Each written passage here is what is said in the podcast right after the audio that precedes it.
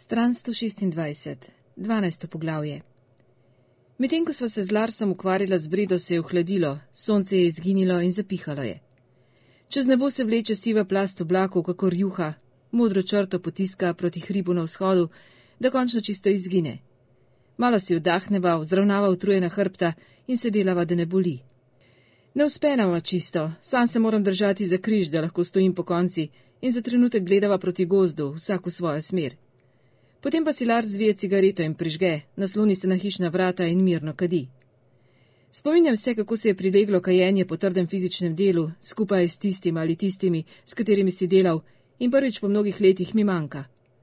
Potem pa pogledam velik kup polen tam, kjer je še pravkar ležala breza in se žopirila. Tudi Lars pogleda v to smer. Ni slabo, mirno reče in se nasmehne. Na polovici sva. Tudi Lira in Pokr sta utrujena. Drug poleg drugega ležita pri vhodu in sopeta. Motorni žagi sva ugasnila, vse je mirno. In potem začne snežiti, ura je ena popovdne. Pogledam proti nebu. Drek rečem. Sledi mojemu pogledu. Se ne bo obležal, prezgoda je, tla še niso dovolj mrzla, reče. Najbrž imaš prav, rečem, ampak me vseeno skrbi. Ne vem čisto zakaj. Se bojiš, da bi te zamedlo? Ja, rečem in čutim, da zardevam. Tudi to. Potem si pa najdi nekoga, da ti bo odmetal sneg. Jaz ga imam. Eslien, kmet tam ob cesti. Vedno pride, ne glede na čas in me odmetava sneg že nekaj let. Ne vzamemo veliko časa, ko pride. Samo gor in dol s plugom po najni cesti. Največ četrt ure porabi. Saj rečem, se odkašljam in nadaljujem. On, ja, njega sem poklical včeraj iz trafike pri zadružni trgovini. Rekl je, da je v redu, 75 kron vsakokrat. Ti tudi toliko plačaš. Ja, pravi Lars, toliko. No, potem si na varnem. Zima bo vse v redu. Tisto zgore pa pravi skoraj zlovešče in se nagne nazaj in pogleda proti nebu. Naj kar pride. Nasmehne se in je videti prav predrzen. Kaj praviš, se spet lotiva? Čutim, kako se njegovo razpoloženje prenaša name. Tudi jaz se hočem spet lotiti. Ampak to me preseneti in zaskrbi, da bom nenadoma odvisen od drugega človeka, da bi se lotil tako preprostega in potrebnega opravila. Časa imam vendar dovolj. Nekaj v meni se spreminja, jaz se spreminjam iz nekoga, ki sem ga poznal in mu slepo zaupal, ki so mu tisti, ki so ga imeli radi, rekli fant z žepi polnimi zlata, ki je vsakokrat, ko je segal v žep, izvlekel obilje zlatnikov. V nekoga, ki ga poznam veliko slabše, ne vem, kaj ima v žepih. In sprašujem se, kako dolgo se je ta sprememba pripravljala. Morda že tri leta. Pa dajva, pravim, lotiva se. Pozneje ga povabim noter, saj ga moram po vsem tem trudu. Kar močno sneži, ampak v resnici ne obleži, vsaj ne še. Ob steno lope sva zložila drva v ogromne skladovnice, poleg polen suhe smreke in dvorišče je pospravljeno, razen dračja, ki sva se ga odločila jutri odpeljati z avtom in prikolico. Prikolica je v Larsovi garaži. Ampak zdaj je dovolj, utrujena sva in lačna in potrebujeva kavo. Razmišljam, ali je bilo res pametno, da sem tako delal vse dan, po začetku, kakršnega sem imel, a moje telo se počuti dobro, utrujen sem na dober način, razen hrbta, to pa je običajno, pa tudi nisem mogel pustiti Larsa, da sam pospravi moje dvorišče. V filter odmerim kavo, v posodo nalijem mrzla vodo in prižgem avtomat, potem pa narežem nekaj kosov kruha in jih položim v košarico, vzamem maslo in drugo v hladilniku in vse skupaj položim na krožnike, rumen vrček pa napolnim z mlekom za kavo in skupaj s krožnikoma, nožema in skodelicama postavim na mizo. Lars sedi na zaboju za drva pri peči, v samih nogavicah je videti mlad, kakor vsi, ki tako sedijo in z nogami ne dosežejo do tal. V nasprotju z mano ima suhe lase, saj je imel na glavi kapo s ščitkom in vse odkar je vstopil, ni rekel še ničesar, samo globoko zamišljen strmi v tla, jaz pa pravzaprav tudi ne rečem ničesar in sem s tem čisto zadovoljen, saj nisem več navajen kremljanja. Potem pa reče: Naj zakurim. Daj, rečem, res se je skladilo tu notri. Hkrati pa sem nekoliko nejevoljen, ker je začel nekaj urejati po moji hiši in glasno izražam mnenje o tem, kako mi gre. Jaz ne bi nikoli storil česa takega, ampak je pa najprej vprašal, tako da je menda v redu. Lars skoči za boja, odpre vratca in vzame tri tanka polena in nekaj strani časopisa od prejšnjega tedna, ki ga imam v ta namenu za boju, in v kratkem času v peči zagori, veliko hitreje kot meni, to počne že vse življenje. Potem pa začne pokati in srkati v dobrem starem aparatu za kavo, ki ga imam že tako dolgo, in malo pozneje se odmaknem in jo prelijem iz vrča v termoko. Držim jo v roki in poskušam za trenutek misliti na tisto, s katero sem vsako jutro pil kavo toliko in toliko let, a se mi izmika in je ne morem videti pred sabo. Namesto tega gledam skozi okno na očiščeno dvorišče, kjer leži samo še žaganje v rumenih kupčkih okoli velikega kupa dračja in na velike kosme snega, ki čisto tiho jadrajo dol in nekaj sekund ležijo, preden skrivnostno izginejo. Če se bo to nadaljevalo vso noč do jutra, bo zagotovo obležal. Sem danes zjutraj zatrkoval. Ne spominjam se, dolgo je že od takrat. Od takrat se je zgodilo vse mogoče. Jaz sem vsekakor precej lačen. Obrnem se od okna k Larsu, z roko pokažem na mizo in rečem: Izvoli, pripravljeno je. Lepa hvala, reče, in zaboj je spet zaprt in sedeva, nekoliko v zadregi in začneva. Prvih nekaj minut ne rečeva nič. Hrana ima presenetljivo dober okus in stati moram initi k škatli za kruh, da preverim, ali je kruh, ki sem ga kupil drugačen kot navadno, ampak je enak kot celej. Spet sedem in jem naprej in moram reči, da uživam v hrani. Poskušam se zadrževati, da ne bi šlo prehitro in Lars je naprej, s pogledom pripetim na krožnik. Meni je prav, nobene potrebe ne čutim po pogovarjanju, potem pa vseeno dvigne glavo in reče: Pravzaprav bi moral prevzeti kmetijo. Katero kmetijo misliš, rečem, čeprav je seveda lahko govor samo o eni kmetiji. Ampak prav takrat nisem mislil na to in sprašujem se, ali je tako, če živiš sam, da začneš glasno govoriti kar sredi misli, da se razlika med govoriti in ne govoriti počasi izbriše, da večni notranji pogovor, ki ga imamo sami s sabo, zdrsne v tistega, ki ga imamo z redkimi ljudmi, ki so še okoli nas, in ko nekdo vse predolgo živi sam, postane črta, ki ločuje eno in drugo, nevidna, ne opazi več, kdaj jo prestopi. Bo moja prihodnost takšna? Kmetijo doma, v vasi, no. Na Norveškem je gotovo sto tisoč vasi, tudi zdaj smo v eni izmed njih, ampak jasno je, da vem, katero misli. Najbrž si se spraševal, zakaj živim tukaj in ne gori v domači vasi, reče. Pravzaprav se nisem, ne tako kot on misli, a morda bi se moral. Kar sem se spraševal, je bilo, kako je mogoče, da sem po vseh teh letih končal na istem kraju kot on, da je kaj takega sploh mogoče. Ja, pa res, rečem. Jaz bi moral prevzeti, se sem bil edini doma. Jon je bil na ladi, ot je bil mrtev. Na kmetiji sem delal vse življenje, vsak dan, nobenega dopusta nisem imel, kot ga imajo zdaj. In oče se ni vrnil, zbolel je. Nihče ni razumel, kaj je pravzaprav narobe z njim. Zlomil si je nogo in zlomil si je nekaj v rami in odpeljali so ga v bolnišnico v Inbigdi. To je bilo leta 1948, se se spominjaš tega leta, samo fantič se bil takrat. Ampak ni prišel nazaj. In potem so šla leta in Jon se je vrnil z ladje, jaz ga nisem prepoznal. Bilo je, kot da ne obstajajo več, nobeden od njih, nisem več mislil na nje. Potem pa je Jon kar prikorakal nekega dne po poti od avtobusa in skozi vrata in je hotel prevzeti kmetijo. 24 let je imel da je njegova pravica, je rekel. Mama ni na to rekla nič, ni se umešala in me podprla, a spominjam se njenega pogleda, kako me ni pogledala naravnost. Ta kmetija je bila edino, kar sem poznal. Jon se je naveličal morja, videl je že vse, je rekel. Čisto mogoče. Poslal je nekaj kartic vsa ta leta iz Port Saida. Adna, Karačija, Madrasa, takih krajev, se veš, za katere nimaš pojma, kje so, če ne odpreš šolskega atlasa. Ena od ladij je bila MS Tijuka, Dobro se spominjam kuvert, ker je bil na prednji strani žig z imenom ladje in takšnega imena nisem še nikoli videl. Če mene vprašaš, Jon ni bil videti zdrav. Bil je suh in potegnen, se ne more skrbeti za kmetijo, sem si mislil. Videti je bil kot narkoman, takšen kot jih zdaj vidiš v Oslu, bil je živčen in skipljiv, ampak nisem mogel ničesar storiti. Bila je njegova pravica. 12. poglavje nadaljujem na strani 130. In potem Lars utihne, To je bila zanj zelo dolga zgodba. Spet začne jesti, ni se še tako podprl, kot sem se jaz, ampak tudi njemu se zdi hrana dobra. V skodelico mu nalijem kavo in ponudim mleko in sprejme rumeni vrček in se nalije do roba skodelice in še vedno molči, medtem ko končuje. In ko je krožnik prazen, vpraša, ali lahko kadi v hiši, in jaz rečem, ja, seveda lahko, in zvije si cigareto iz svoje vrečke s tobakom in prižge in dihne in se zastrmi v žar cigarete, zato kar vprašam. Kaj si pa potem naredil? Lars pogleda od cigarete in jo hkrati vtakne v usta in globoko povleče, in medtem ko počasi izdihne, se grdo spači, kot da bi se hotel skriti za norčevsko masko. In to pride tako nepričakovano, da me preseneti in ostrmim, še nikoli ga nisem videl takega. To je v resnici nenavadno smešen pogled, kot cirkuški klon, ki hoče vse spraviti v jog, potem ko so se skoraj prelomili od smeha, ali čeplin v ekstremni izdaji, ali kakšen drug zvezdnik starih nemih filmov, tako kot tisti, ki je vse čas mežikal in prav gumijast obraz ima Lars, ampak ni se čemu smejati.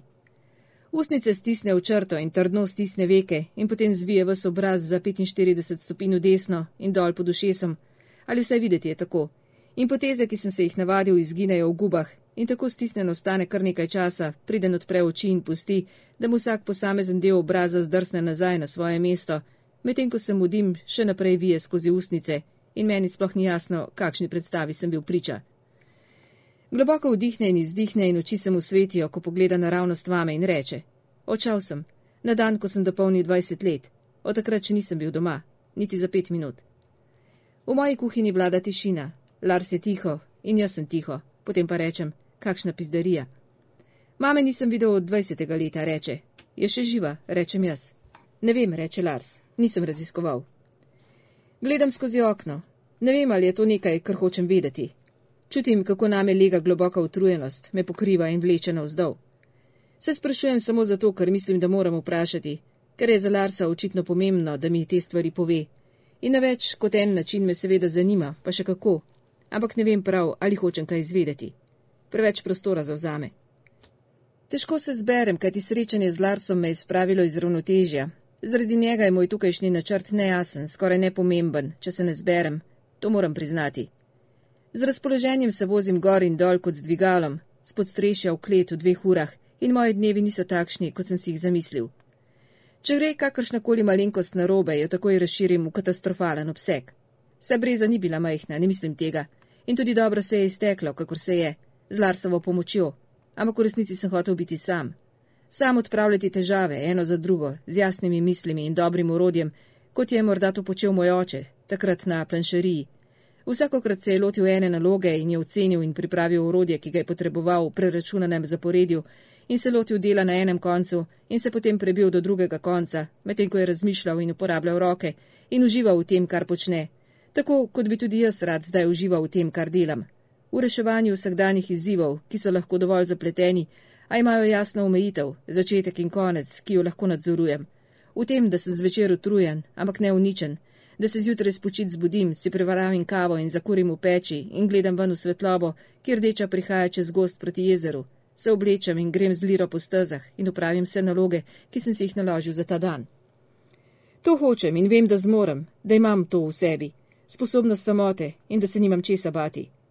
V svojem življenju sem videl in storil veliko, ne da bi šel tukaj v podrobnosti, ker sem imel tudi srečo. Bil sem fant z žepi polnimi zlata, a zdaj bi bilo lepo malo počivati. Ampak zdaj je tu Lars, ki ga ne morem ne imeti rad. Lars, ki ustane od mize in si vleče kapo s ščitkom naprej in nazaj čez lase, dokler ne najde mesta, na katerem jo hoče. Ampak zunaj je mrak in vsaj sonca ni več. In zahvali se za obrok na neroden, formalen način, kot da je bil pri meni na božičnem kosilu in je bil gost, ki si želi, da bi bil milje stran. Se ima že bolje zunaj, sekira v roki ali žago, kot pa tukaj notri, v moji hiši. In to me ne moti, razumem ga. Tudi jaz bi se počutil enako, če bi bil gost v njegovem domu. Stopim na hodnik in Larso odprem vrata in mu sledim na stopnice, kjer sedi poker in čaka. In ko rečem lahko noč in hvala za pomoč, in on reče, stole brezo sva kar dobro upravila, drače bova pa jutri s prikolico, se pa sprerine med naju in se zastrmi v gospodarja in začne renčati, ampak Lars mu samo obrne hrbet, ne da bi le za trenutek spustil pogled in gre naravnost mimo njega in po sto obeh stopnicah in naprej čez dvorišče in dol po klancu proti koči, v kateri živi. Pokr zbegano obstane, jezik mu visi iz gobca, potem pogleda mene, ki se naslanjam na vrata in čakam in nimam zanj nobenega odrešujočega ukaza, potem pa nenadoma skloni glavo in se z nejevoljno držo telesa in skoraj razvlečenimi koraki odplazi za Larsom, in če bi bil jaz na njegovem mestu, bi silno hitro izboljšal svoje vedenje. Na dvorišču leži tanka plas snega, Nisem opazil, kdaj se je začel prijemati, ampak temperatura je padla, še vedno sneži in ne predstavljam si, da bo nehalo. Notor grem in zaprem vrata in ugasnem zunanjo luč. Lars je pozabil svoje delovne rokovice, še vedno ležijo na polici za čevlje. Vzamem jih in odprem vrata, da bi ga poklical, ampak nima smisla, saj jih bo dobil jutri. Ne bom menda zdaj delal česa, za kar potrebuje rokavice.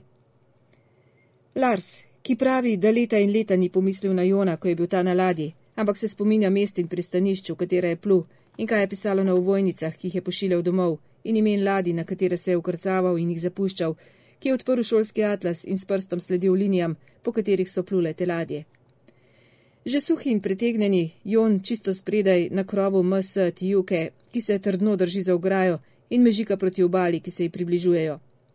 Prihajajo iz Marseja in Larsov prst je sledil ladji od Sicilije in ob italijanskem škornju, potem pa počes mimo grških otokov in jugovzhodno od Krete, kjer je v zraku nekaj novega, kot da je sestavljen drugače, kot je bil še pred 24 urami. Ampak Jon ne razume, da je novi zrak Afrika. In potem mu Lars sledi v Port Said, čisto notri v Sredozemskem morju, kjer bodo razložili in naložili, preden bodo šli počasi po suješkem prekopu, z dolgo puščavo na obeh straneh in čudno rumeno svetlobo milijarde svetlečih peščenih zrnc v soncu, in potem vzdolž Rdečega morja naprej v žareči vročini v Džibuti, na to Aden, ki leži na drugi strani ožine, ki ločuje en svet od drugega, vaš čas po stopinjah pesnika Rimboja, ki je tukaj potoval skoraj 70 let prej, da bi postal nekdo drug, ki je bil in pusti vse za sabo kot potapljač v puščavi na poti proti pozabljanju in pozneje smrti. In to vem jaz, ker sem o tem bral v knjigi. Lars pa tega ne ve, ko sedi tam z atlasom pred sabo na kuhinjski mizi v hiši ob reki. In Jon ne ve tega, ampak v Port Saidu vidi svoje prve afriške palme pod izrazito modrim in nizkim nebom. Vidi ravne mestne strehe, vidi bazarje in tržnice na vseh ulicah in čisto zunaj na pomolih za tistim, ob katerem je pristala M.S. Tijuka. V tem mestu ni drugega kot bazari in glasovi, ki upijajo v vseh jezikih in hočejo kaj prodati, ki hočejo, da prideš dol po mostičku, prav ti, ki stojiš tam gori, z rokami tako trdno na ograji in z očmi kot tanke črte. Pridi dol in kupi nekaj, kar preprosto moraš imeti, če ti je mar za lastno dobro. Spremenilo ti bo življenje v neprepoznavno srečo in special price for you today. In vse skupaj je oglušujoče in begajoče, činele in pavke in von ga skoraj spravil nezavest mešanica prezrele zelenjave in nedoločenega mesa, za katerega sploh ni vedel, da obstaja na tem svetu.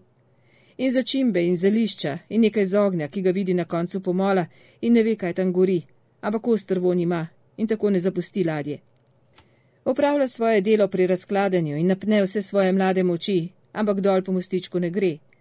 Niti ko je prost, niti v kakšni drugi izmeni, in ko se nenadoma stemni, ostane na krovu in opazuje življenje, ko se v nekoliko zmernejšem tempu nadaljuje v mešanici električnih luči in svetilk, in vse je zdaj videti privlačnejše kot v bleščeče dnevni svetlobi, ampak tudi grozljivo je, z utripajočimi sencami in oskimi ulicicami. 15 let ima in ladje v Port Saidu ne zapusti in tudi v Adenu ne, niti v Džibutiju. Po noči se zbudim, sedem v posteli in skozi okno pogledam v temo. Še vedno sneži in piha, zunaj so vrtinci, snežinke udarjajo na okno. Tam, kjer se cesta spusti k reki, je samo velika bela preproga, brez kakršnih koli obrisov. Zlezem iz postele in prežgem lučko nad štedilnikom. Lira dvigne glavo na svojem ležišču pri peči, a z njeno notranjo uro ni nič narobe, ve, da zdaj ne bova šla ven. Ura je komaj dve zjutraj. Grem v kopalnico oziroma shrambo na hodniku, kjer imam lavor, velik vrt z vodo in na tleh vedro za takrat, ko je vreme takšno, da me ne vleče ven za hišo. Tam opravim svoje, potem pa si oblečem polover in sedem k kuhinjski mizi s čisto majhnim kozarcem in zadnjimi stranmi A Tale of Two Cities. Življenje Sidnija Kartona se bliža koncu, krili je vse posod okoli njega. Skozi rdečo tenčico vidi, kako giljotina ritmično deluje, glave padajo v koš, ki se napolni, potem pa ga nadomesti novi, ko v prejšnjem ni več prostora. In ženske, ki na najboljših sedežih pletejo, štejejo 19, 20, 21, 22 in on poljubi tisto, ki stoji pred njim v vrsti in reče z Bogom, se vidiva v deželi, kjer ni časa ali žalosti, tako kot tu. In potem kmalo ostane samo še on in reče samemu sebi in svetu: This is a far, far better thing than I have ever done. Ni lahko biti proti njemu v takšnem položaju. V bogi Sidni Karten, resnično spodbudno branje, moram reči. Sam pri sebi se nasmehnem in vzamem knjigo s sabo v sobo in jo postavim na polico na njeno mesto med druge Dickensonove knjige in ko sem spet v kuhinji izpraznen kozarček z enim požirkom in ugasnem luč nad štedilnikom in grem v spalnico in ležem. Zaspim, preden dosežem blazino. O petih se zbudim zaradi ropota traktorja in praskanju pluga na poti proti moji hiši. V okno vidim luči in takoj razumem, zakaj gre. Obrnem se in spet zaspim in nimam časa, da bi pomislil na eno samo negativno misel.